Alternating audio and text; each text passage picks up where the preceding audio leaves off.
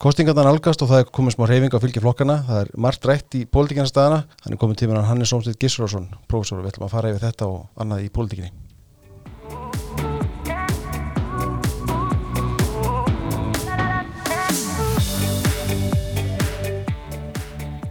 Hannes, þetta er velkomin. Já, þakka fyrir. Áðurinn í hleypið er að, þá ætlum við að minna hlustundur á að það er komið út nýtt hefti af þjóðmálum búið að berast áskrifundum og fæst í Vestlurum Eymundsson og eins og alltaf þá eru hér að góða greinar, minna hlustundur á það. Hannes velkomin, hvernig, svona, hérna, hvernig finnst þér svona kostningabaróttan vera að þróast? Já, ég held að við þurfum að hafa það í huga að í kostningum geta menn og eiginlega ekki skapað auðlegð en þeir geta eins og skapað fátækt. Það er að segja ef að menn kjósi yfir sig stjórnvöld sem að hindra verðmæntarsköpun og, og setja þungar klifjar á borgarna þá verður afleðingin fátækt og það hefur séð í sömu löndum þar sem til dæmis í Söður Ameríku þar sem að stjórnvöld hafa beinlega skapað fátækt. Það sem skapar eins og velmögun og auðsald það er framtaka einstaklingana menn búi til störf út í atvinnulífinu, ekki störf sem eru hjá ríkinu heldur út í atvinnulífinu, störf sem eru sjálfbær og hagkerfið er ekki sjálfbær nema sénægileg verðmættasköpun þannig að það er mjög mikilvægt fyrir okkur átt okkur að því hvað við getum kosið yfir okkur og hvað við getum ekki kosið yfir okkur. Sko það, það er alltaf auðvelt að ræða um hvernig ríkið ætlar að ræða peningum, hvað ríkið ætlar að gera fyrir hina þessa hópa. Þetta er allt gamalt kunnum stef en, en, en svo er alltaf gangur því hvernig það var fjármátnunda. Þú veist, er þetta alltaf svona? Verður pólitík alltaf svona? Lofórðum einhver fögur fyrirheit? Mér finnst þú vera kannski meirund að núna heldur en ofta áður að eigðendurnir þeir uh, eh, ríða húsum en greiðundurnir uh, þeir þeia, það er engi sem er að tala máli greiðenda, mm það er aðeins verið að tala máli eigðenda þeir sem vilja eigða peningunum sem er alltaf sér að taka. Og það er mjög fáir sem að velta fyrir sig hvernig hægt er að leysa uh, þann vanda sem að myndi til dæmis stafa af útgjaldaaukningu í líkingu við það sem að sömur vinstirflokkarna eru að, að bóða þá segja þeir auðvitað vinstir mennindir við ætlum að taka þetta aðeins ríku þessu eina prósendi uh. -huh. það hefur nú verið reynd margótt í mangisögunni að uh, gera það en það hefur aldrei tekist að gera það á fátakur ríkari með því að gera það á ríku fátakari það er hugmynd sem að gengur ekki upp og eina af ástæðunum til þess að hún gengur ekki upp er að þau ríku hafa nú margusleg uh, að úrkosti, þeir á oft fjármag sem þeir geta flutt á milli landa þeir geta ráðið til sín lögfræðinga og Eh, bókaldara og endurskoðundur og lagt á ráðunum hvernig þeir eiga skipilegja sín og skattgreðslur þannig að þeir eru það sem kalla mætti uh, reyfanlegt skotmark. Þeir mm. geta fært svo úr stað. Það er mjög erfitt að, að hitta á þetta eina prósent sem maður vilja hitta á bara uh, erfitt í framkvæmd. Og þá er það sem skatt heimdumennir uh, þeir myndu þá reyna að vika út skattlægninguna þannig að þeir reyna að ná kannski til þeirra 10% tekið hæstu en það getur líka verið alltaf erfitt. Og síðan uh, vaknar þetta svo spurning uh, hvort að verður þá mjög mikið til skiptana þegar til langstími lítið því að við þurfum að gera greinamenn á uh, skamtíma afleðingum skattlagningar og langtíma afleðingum mennar. Uh, þú getur eftir að ná einhverjum peningin í, í stuttan tíma með því að leggja okkur skatt skindilega sem er ná ekki aftnæðin tök á að breyðast við En þegar eh, til langstími litið þá er það sem gerist er að skattstofnarnir þeir skreppa saman, mm. þeir minga fólk fyrir að eh, vinna í óskattlugum farvegi, það verður að ditta heimilinu hjá sér sjálft, eldar sjálft, að gera alls konar hluti sjálft í staðin fyrir að nýta sér kosti verkaskiptingarinnar. Uh, og síðan reynar, reynar fólk að taka út laun sín í, í einhverju öðru heldur en uh, skattlögðum launum, uh, peningum og það mingaði þessi vinnu og margt annað gerist þannig að uh, þegar að skattbyrðin verður mjög uh, þung þá uh, breytir það hegðun manna þannig að skattstofnandi minga þannig að lokum komum við á það sem kallam á öfuga endan á lafribóganum þar sem að skatt tekjur hins ofinbera þær minga eftir því sem skatt hlutallið ekst sem er, er alltaf einkjörnlegt og þá eru þetta jafnvel þeir sem vilja nú leggja á skattana farnir að vinna gegn eigin hagsmunum þegar komið er þángað. Akkurat. En þetta er svo auðvilt í umræðinu það er svo auðvilt að segja þegar þú er stjórnmálamæður það er mjög auðvilt að segja bara við ætlum að skatleggja hennar ríku að því að sko fæstir eru ég held að fæstir skilgrunni sig sem það ríka að þeir lendi þá í skattunum fattur, menn, menn, er, menn er að tala um eitthvað, þú nefnir 1% 1% hópin sko, eða 1% ríkasta fólkið en sko það sem ég á við það að það er svo auðvelt fyrir stjórnmálamenn að, að segja þetta að því að það eru fæstir sem tengja við þetta. Það er enginn Já. sem mótmælir sko. það sem að, við þurfum að hafa líka í huga og gleymist alltaf í þessari umræðu það er að nú þegar borga þeir sem eru betur stæðir þeir ríku og þeir sem eru svona mm, velstæðir þeir borga þorran af sk- sköttunum. Til dæmis eh, þá er það 1% í bandaríkjunum og ég hef skoðað töluna fyrir Ísland líka. Ég er ekki með alveg nýjustu töluna fyrir Ísland en ég er með það fyrir bandaríkin að ég var að skrifa þetta aldrei um þetta á ensku að 1% í bandaríkjunum þeir borga 30% af tekjusköttunum og uh, uh, 10% sem eru best stæð í bandaríkjunum þeir borga 70% af uh, tekjuskattunum og raunir það þannig að þau 50% sem eru uh, með, með uh, svona betur stæð helmingurinn sem er betur stæður hann borgar 97% af tekjuskattunum í bandaríkjunum. En það er að fara að tegja henni bara millistjætt sko í rauninni Já, það má segja það og þannig að það þegar komið á þann stað að þeir sem eru betur stæðir, þeir borga langt mest. Svo hefur Ragnar Átnason, hann hefur prófessor, hann hefur bent á annað sem mjög áhugavert og það er að þegar við um, erum að tala um skattbyrði þá þurfum við að, að, að gera greinamenn á vergri og hreitni skattbyrði. Verg skattbyrði er bara hvað þú borgar í, í hlutfalli í skatt, bara, við skulum segja, þú borgar bara eh, 35% skulum segja, það, það er að verga. En síðan er til hrein skattbyrði og það er þegar þú ert búin að draga frá uh, skattgreisliðinum það sem þú færð frá ríkinu í alls konar þjónustu og millifæslur og það kemur auðvitað ljós að, að um, það er nokkurt veginn uh, svipað sem að ég held að menn fái í millifæslur og, og þjónustu hvort sem eru ríkir að fátekir þannig að nokkuð jafnt hlutvall uh, Ragnar gefur sér það og það er ekkit alveg fráleit fórsenda Uh, en hins vegar eru þeir ríku þeir borgar svo miklu meira heldur en þeir, þeir fátæku að tekjuskatturinn hann, jafnvel hótt hann væri flatur sem hann er ekki jafnvel hótt hann væri stighækandi þá er hann miklu meira stighækandi stighækandi þegar að tekin er uh, reyn skattbyrði. Það er að segja uh, það sem þú greiðir mínus það sem þú færð frá ríkinum svo að uh, þetta er ofta ekki haft í huga að eh, skatt hlutalli það fer mjög mikið eftir í hvað, hvað þú eh, ert með í tekjur og þeir sem er- eru með sæmilega góða tekjur þau borga miklu meira en fá það sama og hinn sem eru með minni tekjur. en af hverju fyrir umræðan alltaf í, í þetta far? Já það er út af því að, að ríka fólkið er ekkit mjög fjölmennt og það er hópur sem er svona auðveld skotmark.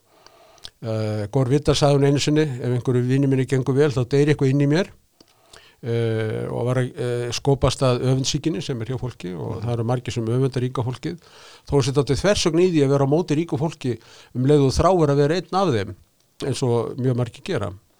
En eh, ef við reynum nú aðeins að hugsa þetta betur þá gætum við til dæmis endur tekið um, uh, sangkvæmisleik sem að einn rand uh, fer í, í bóksinni um undirstöðuna Atlas Srögd. Það er hvað myndi gerast ef að til dæmis þeir ríkustu 10% myndi gefast upp á að borga svona mikið í 70% í skatta og myndu bara yfirgefa landið eða fara inn í einhvern annan heim uh, maður geti hugsað sér líka svona innri flótta, bara hætta að vinna en líka ytri flótta uh, flytjast til annar landa, hvað myndi gerast? Myndu þá taka við einhverjir aðri sem eru jafn uh, góðir í að skapa verðmæti? Um, það er ekkit alveg óhúsandi en við þurfum okkur að því að skulum segja þessi 10% um, þau flytist burt láta sér hverfa að uh, þá mun mæta þeim sem að taka við þeirra störfum eða verkefnum í þjóðfélaginu þá mun mæta þeim alveg sömu hindranendur og erfileikarnir og gerðu það að verkum að þessi uppalegu 10% ákvæðu að láta sig hverfa. Uh, nema þá auðvitað við færum í því að, minka þessar hindranir og erfileika en þá væri náttúrulega ekki neinn kvartning fyrir þá sem að litur sig hverfa að gera það. Þannig að ég hef enga trú á því ef að 10% um, snjöllustu og duglegustu og hugkvarmustu og arðbærustu einstaklingandi litur hverfa að, að það kæmi eitthvað alveg jafn gott í staðinn. Og þetta er nú ekki bara einhverju hugarárur úr einn rand, þetta er það sem við sjá, sjáum gerast í ymsum löndum. Þegar kommunistu tóku völdin á Kúbu þá flýði öll millistjettin, allir sem að höfðu einhverja teknilega kunnátt og mentun, 10% þjóðurinnar flýði og afleggingin var svo að Kúpa sem hafi verið eitt ríkasta landið eða best stæða landið í Karibahavi varð næst hátakasta landið eftir Haiti uh -huh.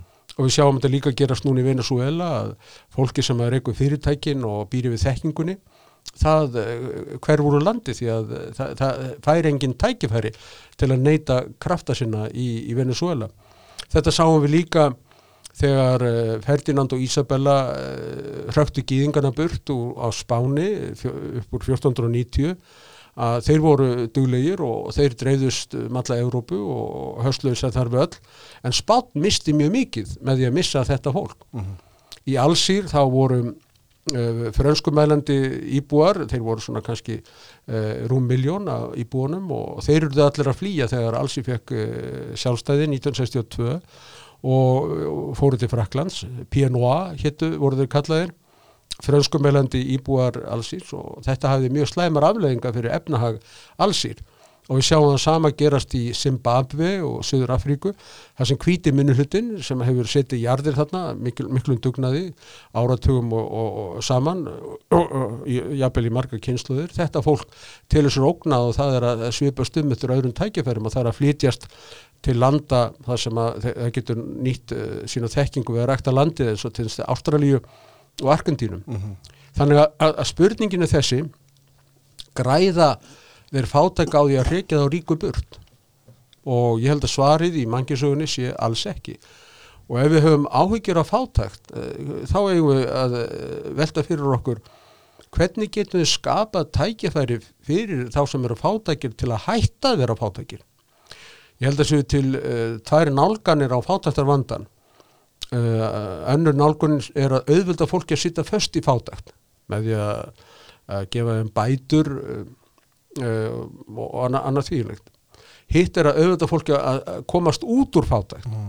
vinna sig út úr fátæktinni. Og það, er, það hefur auðvitað verið saga Vesturlanda sem að mannkjörnu hefur auðvitað tekist já, já, og fátækt í heiminum hefur alveg snar mingað á síðustu áratugum og sérstaklega er það nú þannig hér á Íslandi auðvitað er alltaf hægt að finna fólk sem á bátt það er í öllum þjóðfélagum fólk sem á bátt og það er ekki alltaf því sjálf að kenna. Það verður fyrir alls konar ógæfu og óhefni í lífunum og, og það er tilstygt fólk á Íslandi. En við, við búum hins vegar við einhverja jöfnustu tekjudreyfingu í heimi og skástu kjör þeirra sem þó hafa báust kjörin á Íslandi. Uh -huh. og þess vegna held ég að verkefni hjá okkur sé að reyna að e, finna út hverju eru sem raunverulegur hjálpar þurfi og hjálpa því fólki til þess fólki sem getur getaði gert út af langveikum, langveiki eða föllun öðru slíku að það getur ekki unnið eins hraustlega fyrir eins og aðrir uh -huh.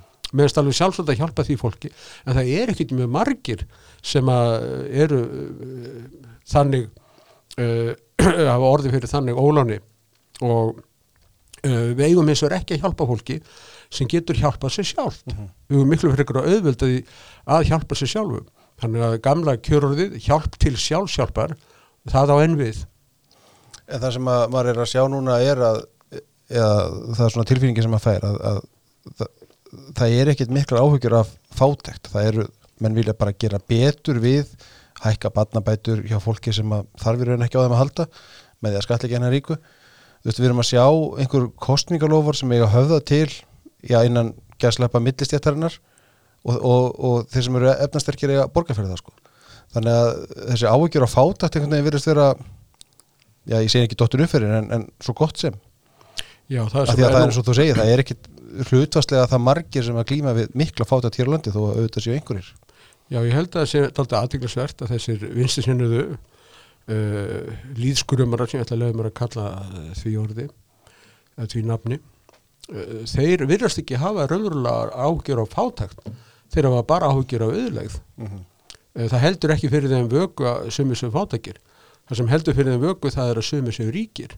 Og þeir vilja koma í veðferð að verði ríkir. Þeir vilja uh, taka niður þá ríku ekki lifta upp þeim fátakur Akkurat. og þetta finnst mér óholbyrður hugsanáttur ég hef ekkit á móti því að fólk verði ríkt. Ef að það gerist bara heiðarlega og eðlilega og ég held líka raunar að, að það sé gott fyrir þjóðfélagið að það sé til ríkt fólk uh, því að það gegnir svona óavitandi marguslu uh, nýtsamlu hlutverki. Og ég skal bara nefna nokkur atriði. Í fyrsta lega er það þannig að mjög mörg uh, tæki sem við notum uh, eru afleggingar af langvinnri vöruþróun þar sem að munarvara hefur smá saman breyst í nöðsynjar og við getum tekið sjónvarpið, bílinn, flugvilina, tölvuna, allt var þetta hér á færi aðeins örfára manna til að byrja með og svo smám saman í þeirri vöru þróun og tilrunastarfsemi sem að fór fram uh, þar sem markaður vikaði sífellu út, þá uh, var þetta að ódýrri almenningsvörum, uh, aðgengilegri öllum. Og þannig leggja henni ríku óavitandi að mörgum til vöruþróunar og þess að lækka verði fyrir almenning og ymsum uh, vörum. Síðan uh, í öðru lagi þá uh, er það nú svo að við þurfum að, að vera með áhættu fjármagn sem við leggjum í einhverja nýja, nýja, nýja nýjar brautir og þá vaknar spurningin hvort er nú líklega til að geta af sér þekkingu og um, góðar afliðingar og hagvöxt að hafa einhvern eitt sjóð sem að tíu manna stjórn rástafar eða vera með 10.000 uh, áhætti fjárfesta sem að prófa sér áfram. Í fyrra dæminu, ef það er eitt sjóður, þá gerða kannski 10 til uh, 100 tilraunir, en ef það er 10.000 uh, fjárfestar uh, sem er að hætta eigin uh, fjármagni, þá eru gera 10.000 tilraunir. Og eftir þessum tilraunir er það fleiri, þá eru þekkingin meiri og uh, framfæriðnar örari og hagvösturinn uh, meiri. Þannig að þetta er uh, önnur rauksend fyrir í að vera með uh, ríkt fólk að það er uppspretta áhættu fjármags. En síðan eftir mikilvægasta hlutverkið sem ríkt fólk gegnir, það er að það getur veitt mótspyrnu og mótvægi við uh, hamslausri um, freki og offorsi í hennu ofinbera. Við höfum kynst í að hjá ofinbera stofnunum þó að sem er margótt fólk auðvitað sem minnir það líka þá eru svona til uh, svona afkima harstjórar og uh, mjög uh, ólibrir og óliðlegir einstaklingar sem að veit ekki borgurunum fyrirgræslu og sína þeim ekki virðingu.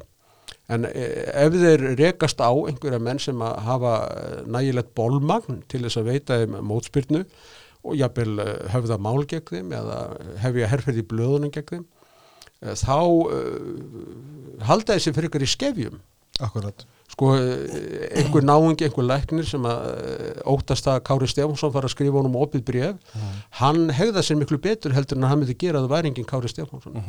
Og þannig er það að, að þessir menn sem eiga daldi undir sér og eru fjárhagslega sjálfstæðir eh, þeir gegna óavitandi dálitlu svona hlutverki því að skapa jafnvægi í þjóðfélaginu.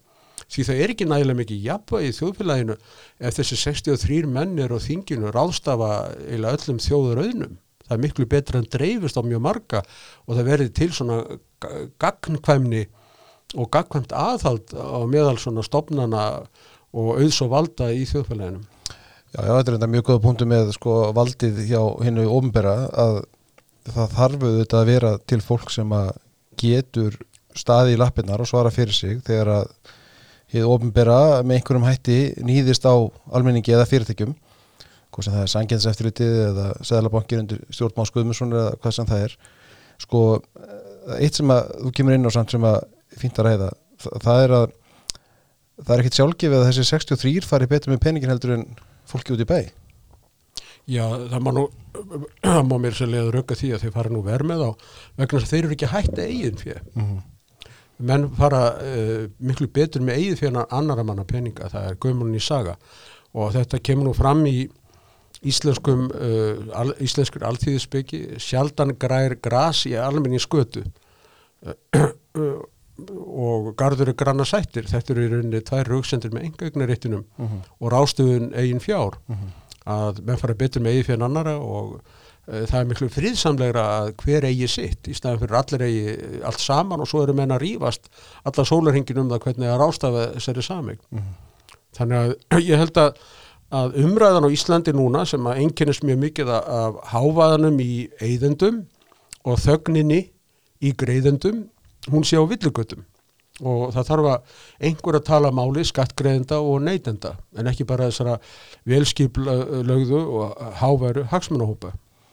Já, já, skattgreðendur er ekki bara þetta eina prósent sem við erum að vísi í, þetta, það eru bara megin þorran af þjóðinni, af því að fle, laun eru háa í Íslandi, flestir eru að borga semlega háa skatta. Já, það er eitt sjónamið því sem eh, hefur farið fram hjá mörgum, held ég.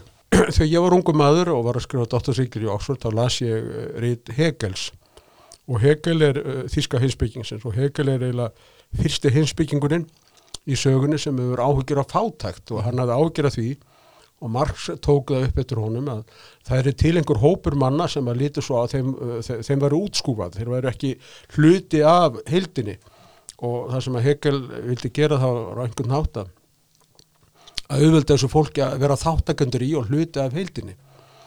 Og þetta tengist því að ég held að það sem ég æskilagt þess að flestir greiði skatta.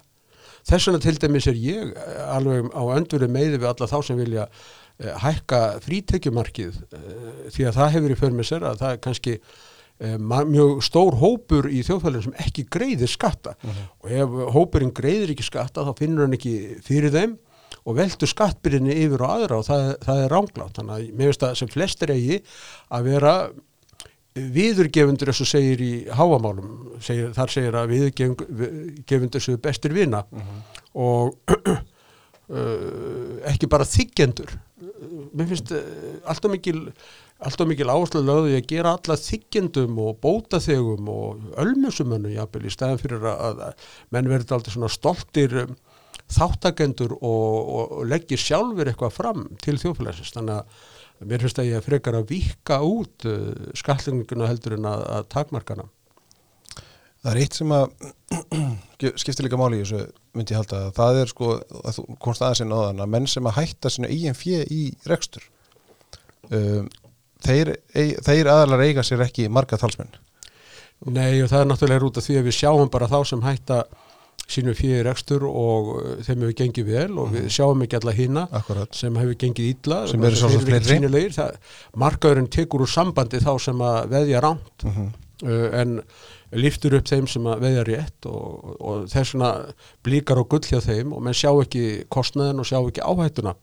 Það er ekkit mjög margir held ég sem vilja taka það áhættu sem að uh, þessir um, frumkvölar uh, taka margir hverjur og berjast í mörg ár við það. Það eru til mjög mörg dæmið hér á Íslandu og í öðru löndum líka að það eru kannski dugleg og metnaðgjörð hjón sem að byrja í bílskúr að, að reyka eitthvað fyrirtæki og leggja nótt við dag og svo kannski eftir 20-30 ár þá er fyrirtæki orðið blómlegt og þá getur þið selta fyrir, við skulum segja talsvert fjö Uh -huh. og haft það mjög náðu þessum eftir ræfinar og ég sé ekkert aðtöðavert við, við þetta uh, persónulega. Og ég sé ekki neina ástöðulega refsa því. Og uh, í því sambandi þá langar mér nú til þess að benda á að eignaskattar eru í rauninni tvísköttun vegna þess að eignindar sem að myndast hjá sumum og þær hafa myndast með peningu sem þegar hefur greitur tekjuskattur af Uh -huh. þannig að eignaskattur hann uh, letur menn til þess að spara leggja fyrir og eigð ekki allir svona peningum ef, ef, ef þú ert með tekjur uh, og, og þú vilt e- komast hjá því að greiða eignaskatt hvað gerur þú?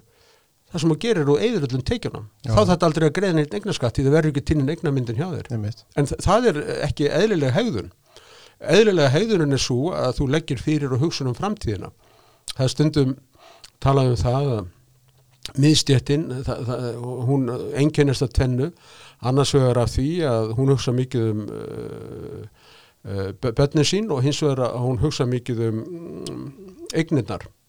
Það er að segja hún er með framtíðar sín Uh -huh. en fólkið sem að eyður öllu jafnóðum og aflar þess eða fær það frá einhverjum öðrum það er ekki með slíka framtíðasín þannig að það, það, van, það, það, er, það er innbyggð inn í uh, þá skoðun að þú eigir að greiða eignaskatta uh, það er innbyggt inn í það að það er að verðluna skamsýnina Uh -huh. og uh, refsa mönnum fyrir uh, framtíðasínina og uh, þriðjurskatturinn sem að ég held að segja ránglatur það er erðaskattur vegna þess að þá er, uh, þá er það þrísköttun því að erðaskatturinn hann er skattur og eignendan sem þú uh, vilt ella láta renna til barnanaðina og þú ert þegar búin að greiða af því um, tekjuskatt og svo hugsanlega ertu búin að greiða því eignaskatt og síðan áttu að eiga þau að fara að greiða erðaskatta að því. Og þetta held ég að sé þetta er raung hugsun. En mér langaði kannski aðeins til þess að varpa fram einnig spurningu ef við erum að tala um skattamál og það er hvað er eðlileg stefna í, skattamálum? Og ég held að svo stefna sé einfallega svo að það er ákveðna hluti sem ríki verður að taka af sér, að sér vegna þess að einstaklingarnir get ekki gert á eigin ramleik eða þeir eru þess eðlis uh, stundu kallaði fræðunum public goods uh, samgæði sem gæður þess eðlis að það er erfitt að framlega þau á frjálsum markaði og binda nótkunnura við þá eina sem greiða fyrir nótkunnuna ríkið þarf þessna að sjá um svona ákveðna hluti svo landvarnir og löggjæslu og hugsanlega einhverju leiti heilsugjæslu allavega trygg, lámar tryggingar svo allir getur keirt sér heilsugjæslu og hugsanlega líka uh, um uh, skólagöngu þó að uh, sama gildi þar að það er nú ekki endilega nöðsynlegt að ríkið reiki skólana þó að ríkið getur kosta skólagönguna. Þannig að það eru til ákveðin samgæði og ég held að ríkið eigi einfallega bara haga skamtheimtun á þann hátt að, að standa undir þessum samgæðum en ekki að reyna að endurdreifa Uh, uh, frá ákveðnum hópum sem eru sterkir og fjölmennir til uh, já, við, frá hópum sem eiga dalda peningum til hinna sem ekki eiga peninga. Ég held að sé ekki rétt að, að gera það sem að sósilistar gerðu og, og Jón Trausti talaði um nýðu með fjöllin upp með dalina. Það er miklu betra að hafa daldi breytilegt landslag þannig að það sé ekki allt marflatt undirlendi. En nú vitum við þetta alls saman, við vitum að sósélismi virkar ekki. Og, og jafnaðamannastefnan er, ég, ég vil nefnda minna að það sé engin jafnaðamannflokkur í Íslandi en, en sko við vitum, mannkynni þekkir þessa sögu, af hverju erum við ennþá að ræða þetta? Uh, ég hugsa að þessi nú einhverju leiti vegna ákveðinar óþreyju uh, því að uh, það sem gerist auðvitað þegar að öllum gengur vel en sumi gengur miklu betur en öðrum er að þeim sem ekki gengur jafn vel og, og þessum sem gengur best uh, þeir fyllast öfund og vanmetakent og uh, það, verður, það verða til við getum orðað þannig stundum er að þannig að þarfinnar vaksa hraðar heldur en fullneng þeirra mm. þó að fullneng þarfana hafi vaksið mjög mikið og, og batnað og þegar ég ólst upp þá var til dæmis alls ekki neitt sjálfgefið að fólk ætti bíla venjulega fjölskyldur. Og því síður að fólk væri út að borða á veitingastæði og, og annað þvílegt. Núna þykir þetta og fara til útlanda, það var eitthvað sem bara einhverju aðri gerðum, ég fá, fáir gerðum en núna þá þykir þetta allt saman sjálfsagt uh, og, og það verður til kannski uh, þetta er svona kallar í sentment á, á ennsku og the logic of excessive expectations það er að segja að það verður til einhver uh, samanburður. Uh, þannig að menn fara að segja heyrði býtu út af hverju get ég ekki farið í tvær öndnaferður ári eins og nágræna minn? Mm. þannig að neyslu þjóðfélagið og lífskeiðakaplöpið og hagvösturinn skapa daldið sína eigin óanægum og síðan eins og Jósef Sjúmbytti bentun á í verkari bókaru 1942 þá er hópur manna sem að lifur og nærist á þessari óanægu og eigur á hana og það eru mentamennir mentamennir þeir uh, horfa á aðtæðamennina og aðtæðamennir uh, eh, þeir uh, eru með miklu herri tekjur og mentamennir þeir, þeir voru betri að skrifa skólastíla og fengu fleiri stjórnur hjá kennarinn sínum og þeir sé ákveður á aðtæðamæðurinn að vera með miklu herra að kaupa en ég mm -hmm. og svo kenna þeir í skólum og þeir skrifa fréttinar í blöðum og ráða mjög mikið hugmyndaframleyslunni, svo maður segja Þannig að það verður til uh, andrúsloft sem er fjandsalegt kapitalismannum og auðsköpuninni uh, í, í þjóðfélaginu sem samt sem áður nöðsynleg til þess að standa undir öllu þessu, standa undir skólunum sem vinsturmendi kenni og standa undir fjölmjölunum sem vinsturmendi starfa í. Mm -hmm. Já, já. Ég meina við hefum náttúrulega séð bara, sko ég meina, ég held ekki um fullirt að síðustu 200 ár hafa verið svona mestu framfærir í sögumænkins og kannski sérstaklega síðustu 100 ár. Og bara áliðinum áratöfum höfum við séð minna, bara svona atrið eins og hún nefnir hérna bíla og utdragsverðar allt þetta, við getum nefnt líka bara dæmi bara svona þvottavillar og önnur heimilstæki sem að auðvelda fólki lífið konur fara út á vinnumarkað, jafnbreytt eigst við, við erum alltaf að verða betur og betri sem mannkinn. Ég hugsaði til dæmis eitt að þú nefndir hérna konur hvaða hefur í rauninu aukið frelsi hvenna að núna geta þær sjálfar ákveðið það hvenar og hvort er eignar spöld mm -hmm. ef þetta koma börnin ekki hérna með storkinum, það þarf annan til en, en það er sann sem aður orðin þeirra eigin ákvörðun en Mm. það var það ekki eins mikið í gamla daga og þær geta uh, farið uh, út á vinnumarkaðin sem að það átti ekki völ á fyrir hundra árum og uh, heimilistækin þær spara okkar alveg opaslega vinnu og þá komum við að einu sem ég hef stundu verið að benda á í sambandi við hagvöxtin hagvöxtur er ekki fólkin í því að við framluðum meira og meira fólkin í því að við gerum minna og minna þar að segja við spörum okkur tíma Mhm. og, okkur, uh, og það gerum við meðal annars með þessum heimilistækjum eins og taktum núna bara uh, þessar um, sjálfvirku ríksugur Mhm. uh, þú bara setur þar á stað og, og það eru búin að ríksuga hjá þér eftir klukkutíma og fara undir uh, öll borð og í staðin fyrir að í gamla dag voru að minna að bóra við þetta svo ekki svona talaðu um áður en að ríksugur eru til einmitt uh, og ískápar og, og annað þýrlitt þannig að við búum núna við alveg ótrúlega mikið lífsgæði með það sem að týrkaðist fyrir 50 til 100 árum. Og þessi lífsgæði er ekki bara fólkin í uh, einhverjum efnislegu verðmætum heldur líka í möguleikum manna til að vaksa og þroskast. Eins og við sjáum best á dæmi hvernana sem hafa neitað um þetta allt hér áður fyrr. Og það eina sem þau gáttu gert það var að staga í, í, í sokka og börn. Mhm. Uh, þa þar voru dæmda til þess marga hverjar. Og ég skil þar alveg að þegar þar horfum með öxl þá verður þetta aldrei reyðar en uh, ég held að sé hins vegar mikill miskinningur að, að þetta hafi verið eitthvað föðurveldur eða patriarki sem hafi ráðið þessu. Uh, ég held að þetta hafi bara verið um, að uh, það voru ekki teknilegar forsendur fyrir því hér áður fyrir að gera annað en að vera í fullu starfi við að reka heimilin. Núna er það eh, starf sem að eh, deilist á bæði kynin og, og tekur ekki nema nokkra klukkutíma á dag. Já, ég held að ég, ég mætti fullir það að þið frjálsa markasækjari bjóti þær fósundur með því að búa til heimilstæki og auðvelda fólki lífið. Já, og, og ég er það nú líka getnaðvarnir, hafi haft sitt að segja þó að, að ég vilja líka hlinnaði litnum börnum og telja þessi besta guðskjöð sem til er, það eru eh, lítil börn, þannig að ég vil að, að svona getnaðvarnir og uh, annað fíli því sem stilt í hóp en uh, það, það er svo að veitir konum frelsi sem að raskildaður hafi. Og ég veit að kynsluðin sem móðir mín var af og, og, og mæður bekkjabræðra mín í MR við vorum nú svona hópur sem að hittast oft. Þessar mæðu voru sumar hverjar uh, konur sem að hefðu alveg getað gert alls konar hluti í dag en einhvern veginn ég er ekki að segja að það eftir skort sjálfströst ég heldur hafi nú haft það svo sem. En uh, það bara var einhvern veginn ekki í bóði eins mikið uh, eins og nú, nú er.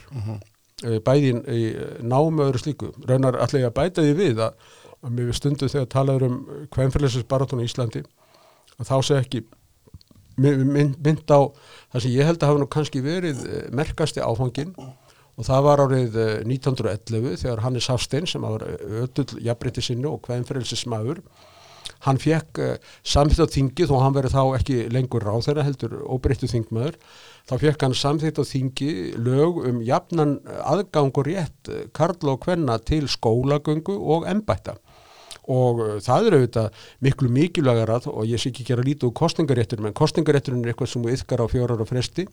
En uh, aðgangur í þennan námi og uh, embættum það er eitthvað sem hefur mikil áhrif á allt þitt líf. Já, já. þannig að ég held að, að þetta hefur verið eitt merkasti áfangin í, í jafnbryttisbarátin íslensku.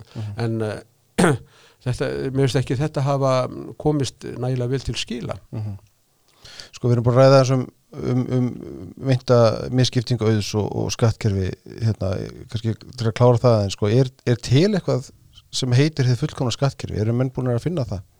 Hvað, svona, þið fullkomna í þeim skilningi að það sé sangjart á fyrir alla? Já, ef, ef ég ætti að svara þessari spurningu þá um, myndi ég nú kannski með það sem James Buchanan einn af mínum gömlu lærifæðrum hann fekk nú Nóbesölunin í Hagfræði 1986 hann sagði, hann var spurður einu sinni hvað er æskilut umfang ríkisins? Og þá sagði hann, það er auðvitað eitthvað sem að eh, borgararnir verða að koma sér saman um sjálfur og uh, hann uh, setti fram kenningur um það að það, væri ekki rétt að einn hópur ákveði að annar hópur bæri allar byrjarnar, að byrjarnar ætti að dreifast á menn tiltölulega jafnt. um, þetta var nú hans skoðun. En hann sagði ef ég ætti að ef ég ætti að kasta fram einhverju tölu þá held ég að það sem að við getum kallað svona reyn samgæði það er þess að gæði sem að ekki hægt að uh, framleiða á hennum frjálsamarkaði með frjálsarsamningum milli einstaklingana að framleista þeirra gæti kosta kannski ykkur um 15% af uh, landsframleyslu sagði hann. Og hann er miklu minna heldur en er í, er í dag því að það er svo margt sem að ríki gerir sem að þyrti strandið tekið ekki að gera. Akkurat. 15% og síðan myndi ég líka segja það að uh, það ætti að vera flatur skattur, tekjuskattur yfir uh, frítekjumörkunum. Þannig að menn borgu allir uh, sama hlutall sem auðvitað myndi þýða það að þeir ríku borguðu miklu meira heldur en aðrir vegna þess að þeir eru með miklu hærri tekjur. Já, já, þetta myndi vera í stuttum máli mitt svar. Uh, en þá maður kannski líka uh, halda áfram með hann að þráða að spyrja er, á frjálsíkjan eh, sér eitthvað draumríki? Eins og sósialistundir lítur nú á Kína og Rastundaríkin á sínum tíma. Og ég myndi segja auðvitað ekki vegna þess að, draumríki frjálsíkjarnar er ríkið sem allir geta nú fengið að að eldast við sína drauma og reyna að fá það til að rætast þannig að það er ekki til eitt, draumur. En enga síður þá eru til lönd sem að uh, eru kannski hægt að benda á. Og ég myndi segja það að það eru tvö lönd sérstaklega sem ég myndi staldra við. Eh, annað er Hong Kong. Þar var svona eins reynd frjálsíkju hagkerfi og hefur raun að verið framkvæmulegt og það var náttúrulega stórkostlegt hvernig Hong Kong búar stukku úr fátakt í bjargálnir og það er mjög mikilvægt átt að segja því að þó að við, auðvitað óskum kynverum alls góðs uh, þá voru framfæri miklu örar í Hong Kong heldur en á, á meginlandinu. Hong Kong er eitt dæmi og þa þar var mikið frelsi uh, skoðana, uh, til skoðanamyndunar áður en komunast af lokkur er hertið tökin, það er mjög það er mjög uh, sorglegt hvernig það er alltaf að fara þar. En þetta er annað náttúrulega dæmi mikil afturför á síðust ári? Mjög mikil afturför, já. Þetta er annað dæmið, hittaði með Sviss. Sviss er að mínum dómi alveg mjög merkilegt land vegna að þar búa uh, ólíkir hópar bæði trúarhópar og, og tungumálahópar. Og það með þess að var uh, hálgir borgarastilurdar um með því að 19. öld. En það sem svislendingar hafi gert er að þeir hafa dreift valdinu mjög mikið til kantonana og, uh, og rauna til sveitarfélagana sem eru svo í hverju kantonum þannig að uh, Sviss er eitt best stæða og frjálsasta þjóðfélagi heimi sem veitti mörgum um, gríðastað í, í stríðunum á, á 20-stöldinni. Það er með öðrum orðum afskaplega vel hefnað uh, þjóðfélag Sviss. Þannig að ég myndi nefna þessi tvö dæmi ef við erum beðunum að uh, tala um einhverja fótfestu í staðan fyrir að tala einhverju um einhverju fræði heldur, tala líka um framkvæmdina. og er eitthvað ástæði fyrir því að önnur ríki hafi ekki farið þessar leiðir?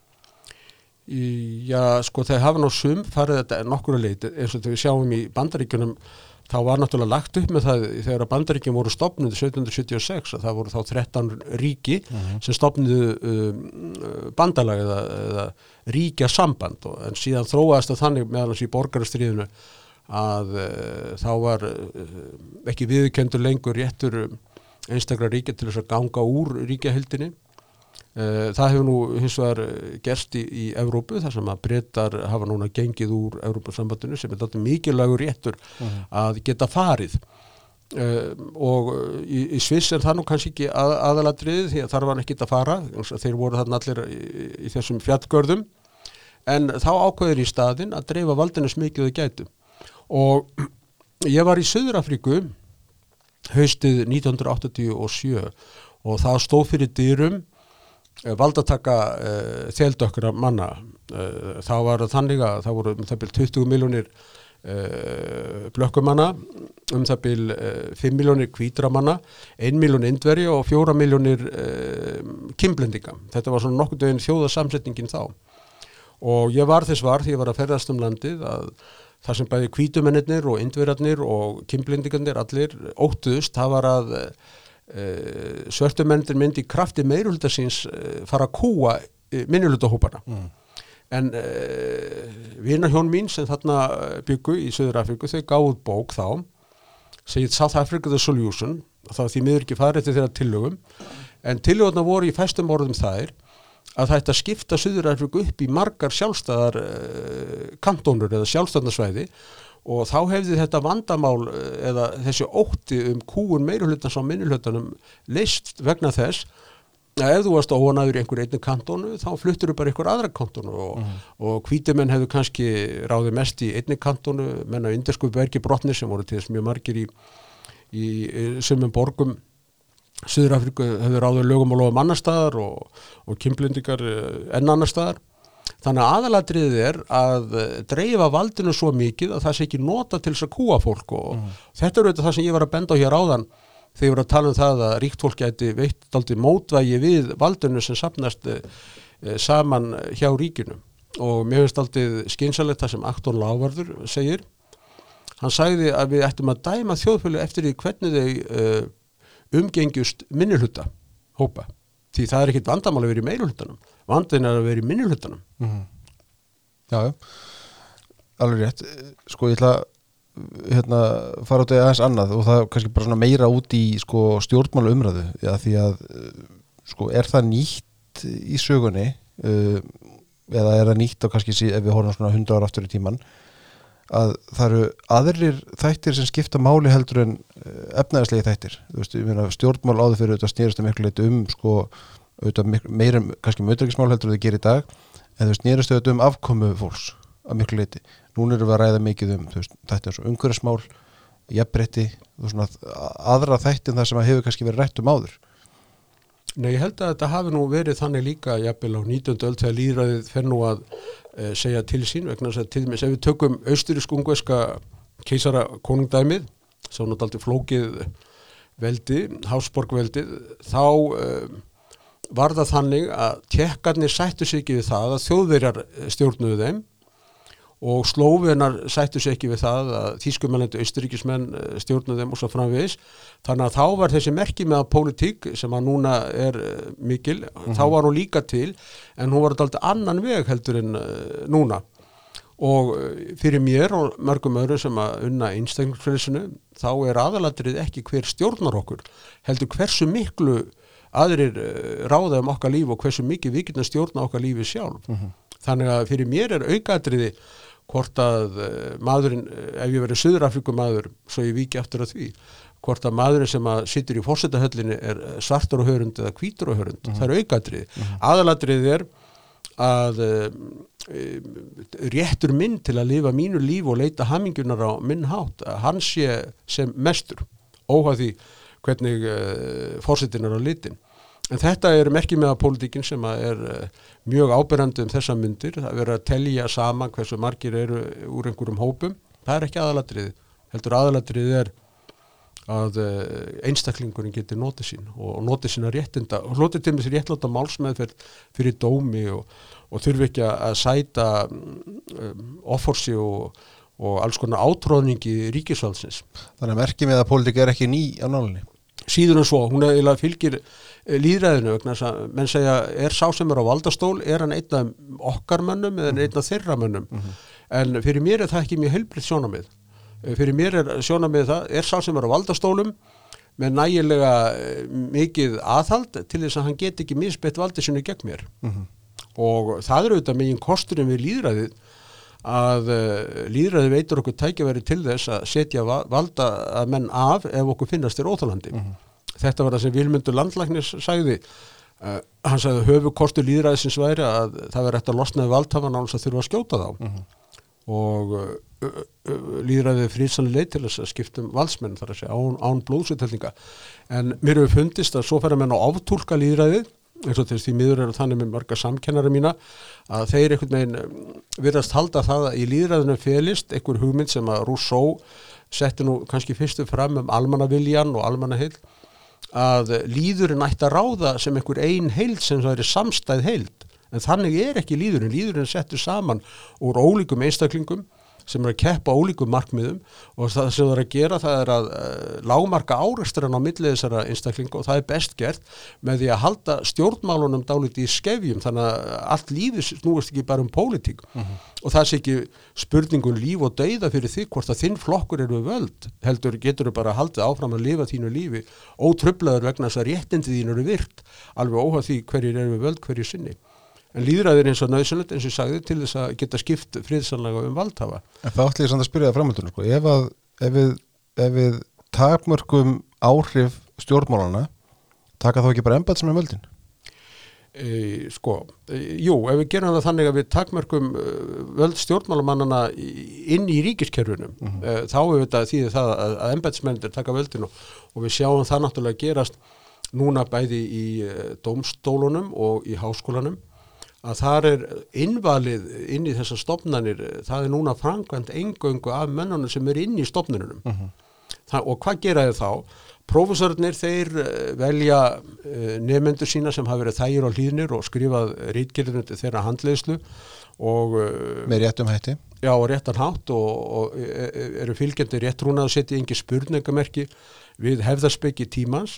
Þetta er mjög ábyrnandi finnst mér í háskólum og dómararnir þeir um, velja inn í dómarastjættina menn sem eru líka um, samstarfsfúsir og, og reyðubúni til þess að virða gömlu dómarana.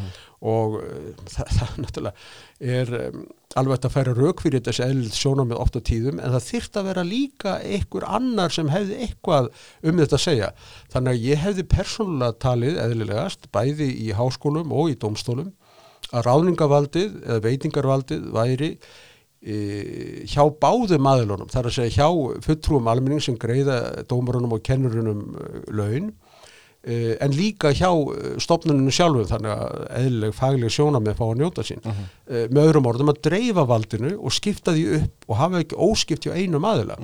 Og við sjáum það núna bæði í háskólanum og í dómstólunum að, að dómarnir ráða öllum það hverju verða dómarar og háskólakennarnir ráða öllum það hverju verða háskólakennarar. Og það verður bara til uh, fólk sem er allt steift í sama mót. Þetta er svona uh, ljósutanavél Já, já. uh, lagana já, já, það er alveg rétt. Fjölföldunar stofa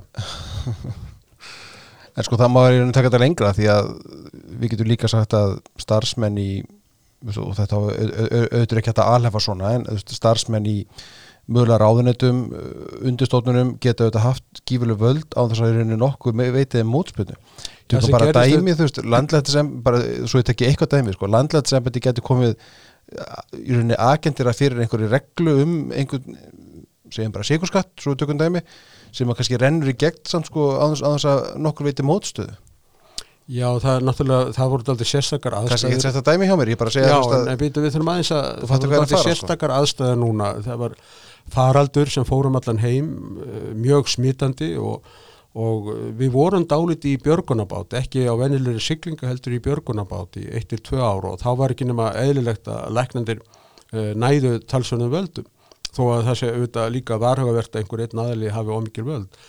Og það sem við sjá, sáum líka í, eftir bankarhunni var að það myndaðist tómarum og þetta tómarum var fyllt upp af skriffunum, Mhm. uh, embætsmönnum. Uh, stjórnmálamennir uh, mistu sjálfstörustið og mistu mikið vald og embætsmennir ráða mjög miklu og, og sérfræðingarnir á ýmsum sviðum. Ég held að það sé ekkit alveg neitt frálegt við það að svo sé. Það má alveg kalla það professionalisma eða uh, sérfræði kunnáttu sem fá að njóta sín. En uh, hver á að gæta þeirra sem gæta okkur?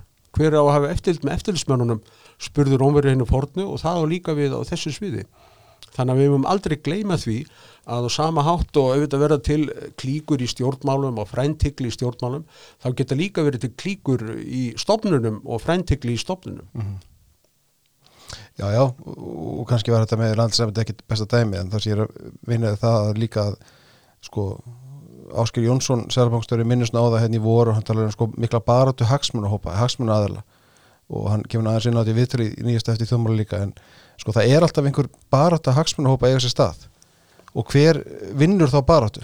Þú Veist, er, er það embætsmenninni sem setja reglunar nei, aðalatrið í því vera að flytja þessa baráttu burt úr uh, stjórnmálunum og uh, gera það að keppni á markaðunum um það hverju geta fullnægt uh, þörfum uh, borgaran og neytendana sem best. Þannig að við lámörkum daldið tókstritu hagsmunahópa sem er alltaf að býtast um annara manna peninga í staðan fyrir að skapa bara sín eigin peninga. Þannig að uh, mér finnst uh, þessi uh, hvað ég kalla áhersla á að reyna að koma einhverju lögum yfir stjórnmálinn, ekki aðalatrið heldur að minga hlut stjórnmálan og auka hlut uh, frjálsra samninga einstaklingana um sín mál. kannski í lokin, við erum að sjá óvinnu marga stjórnmálaflokka bjóða sér fram núna og reyndar í síðustu kostningu líka. Eftir hrun hefur stjórnmálaflokkum fjölgað. Eh, eru við, er svo þróun heldur komin til að vera eða Nei, það held ég nú ekki. Ég held að uh, niðurstamminni nú verða uh, hinn hefbundi fjóru flokkar sem að samkennar mín að kalla fjórflokkin sem er alveg allramt vegna þess að þetta eru auðvitað ólíki flokkar sem eru að keppa um fylgi og ólíkum fórsendum. Þeir held ég að séu lífanlegir, hinnir eru meiri tímabundin fyrirbæri þó ég ger nú ráð fyrir að margir er að fá nú menn á þing núna en ég heldur verður nú ekki mjög langlýfir. uh, það er mín skoðun og en koma það ekki bara aðri minniflokkar í staðin setna? Mm, Já, það fer nú eftir í hvort að það er gert hagkvæmt fyrir það ekki. Dæmis held að sé mjög óheflegt að, um leið og fær menn á þing þá býða þeim 2 miljóna framlögu úr ríkisjóði. Mhm. Það er miklu skinsanleira að taka alla flokkana af fjárlögum og láta það bara spjara sig sjálfa í, í þessu og reyna eins og við getum að auka svigrum einstaklingarna, skattgreðendana, neytendana og minga svigrun atvinnustjórnmálamanna og embetsmanna með þess að það sé uh, aðalættrið, gefa lífsanda loft eins og skaldi saði. Mm -hmm. Það var að loka orðin Hann er Solstedt, þakka þér fyrir komuna